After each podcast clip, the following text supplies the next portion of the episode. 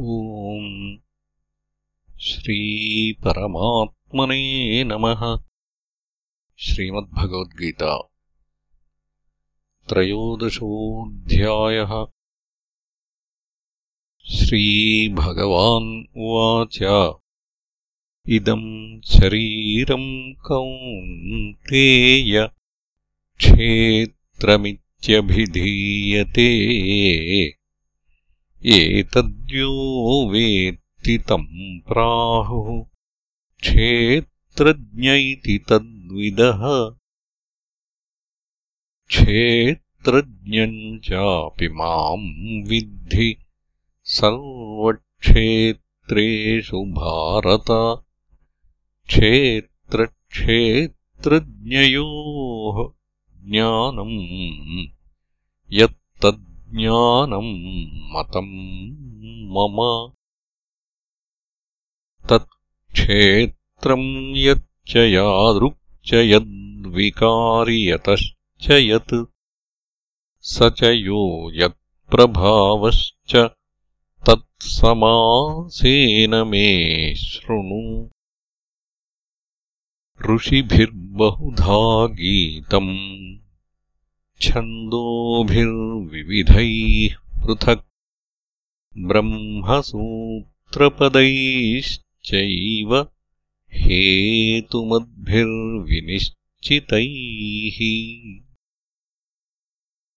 महाभूतान्यहङ्कारो बुद्धिरव्यक्तमेव च इन्द्रियाणि दशैकम् च पञ्चचेन्द्रियगोचराः।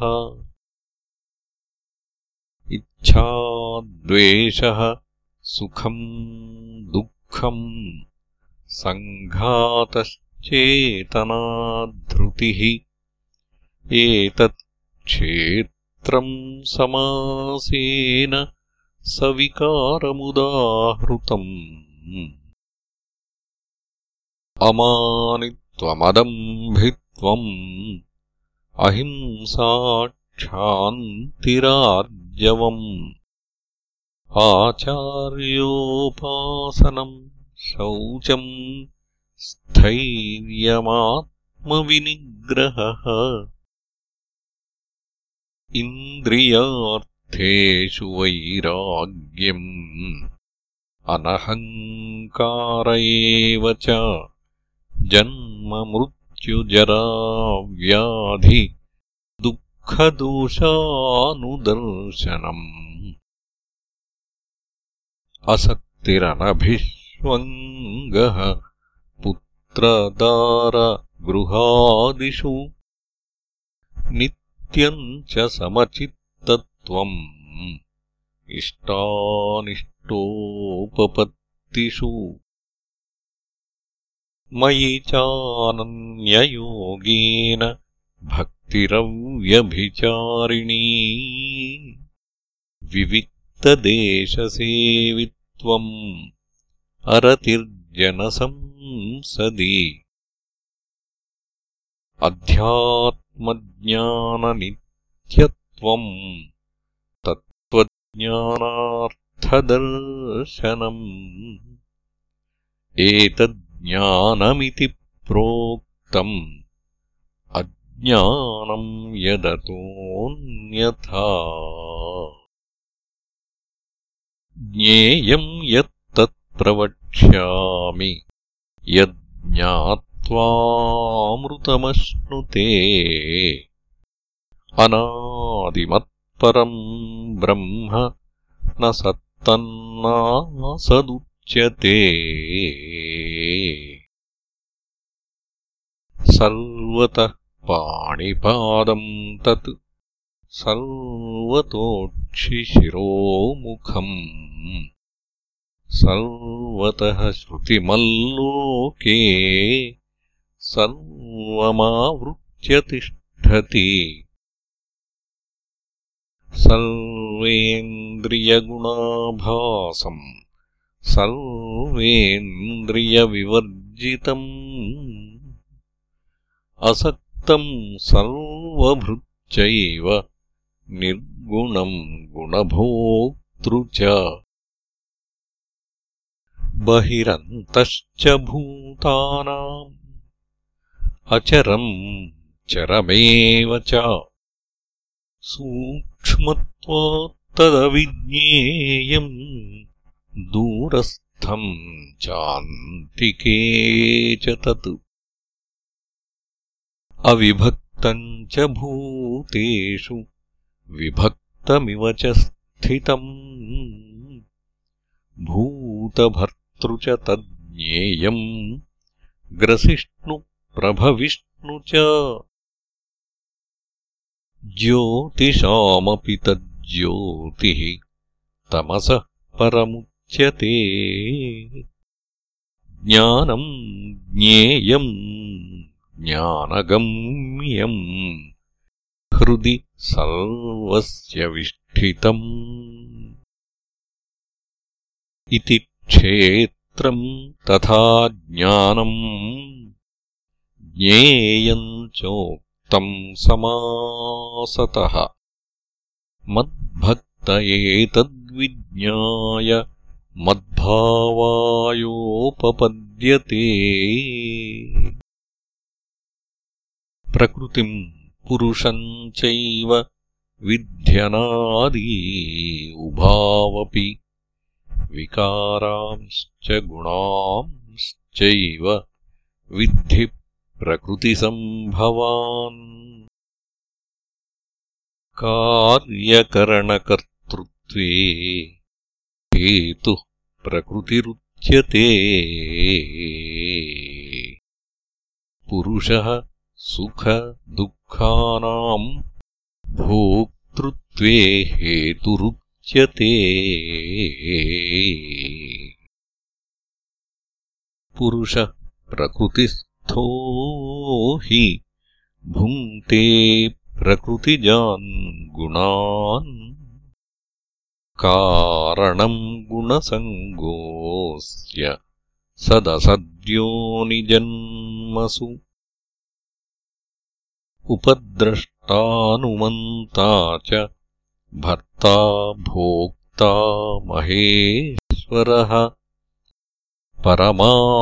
परमात्मेति चाप्युक्तो देहेऽस्मिन् पुरुषः परः।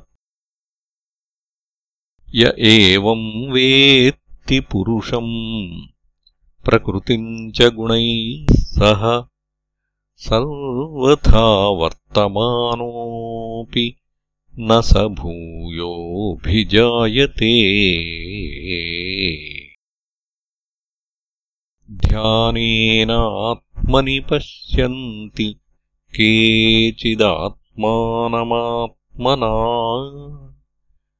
अन्ये साङ्ख्येन योगेन कर्मयोगेन चापरे। अन्ये त्वेवमजानन्तः श्रुत्वान्येभ्य उपासते। तेऽपि चातितरन्त्येव मृत्युम् श्रुतिपरायणाः। यावत् सञ्जायते किञ्चित् सत्त्वम् स्थावरजङ्गमम् क्षेत्रक्षेत्रज्ञसंयोगात् तद्विद्धि भरतर्षभ समम् सर्वेषु भूतेषु तिष्ठन्तम् परमेश्वरम्। विनश्यत्स्वविनश्यन्तम् यः पश्यति स पश्यति समम् पश्यन् हि सर्वत्र समवस्थितमीश्वरम्। न हि नस्त्यात्मनात्मानम् ततो याति पराम् गतिम्। प्रकृत्यैव च कर्माणि क्रियमाणानि सर्वशः। यः पश्यति तथात्मानम्। अकर्तारम् स पश्यति। यदा भूतपृथग्भावम् एकस्थमनुपश्यति तत एव च विस्तारम् ब्रह्म सम्पद्यते तदा अनादित्वान्निर्गुणत्वात् परमात्मायमव्ययः शरीरस्थोऽपि कौन्तेय न करोति न लिप्यते। यथा सर्वगतम् सौक्ष्म्यात् आकाशम् नोपलिप्यते सर्वत्रावस्थितो देहे तथात्मानोपलिप्यते। यथा प्रकाशयत्येकः कृत्स्नम् लोकमिमम् रविः क्षेत्रम् क्षेत्री तथा कृत्स्नम् प्रकाशयति भारत। क्षेत्रक्षेत्रज्ञयोरेवम् अन्तरम् ज्ञानचक्षुषा। भूतप्रकृतिमोक्षम् च ये विदुर्यान्ति ते परम् ॐ तत्सदिति श्रीमद्भगवद्गीतासूपनिषत्सु ब्रह्मविद्यायाम् योगशास्त्रे श्रीकृष्णार्जुनसंवादे क्षेत्रक्षेत्रज्ञविभागयोगो नाम त्रयोदशोऽध्यायः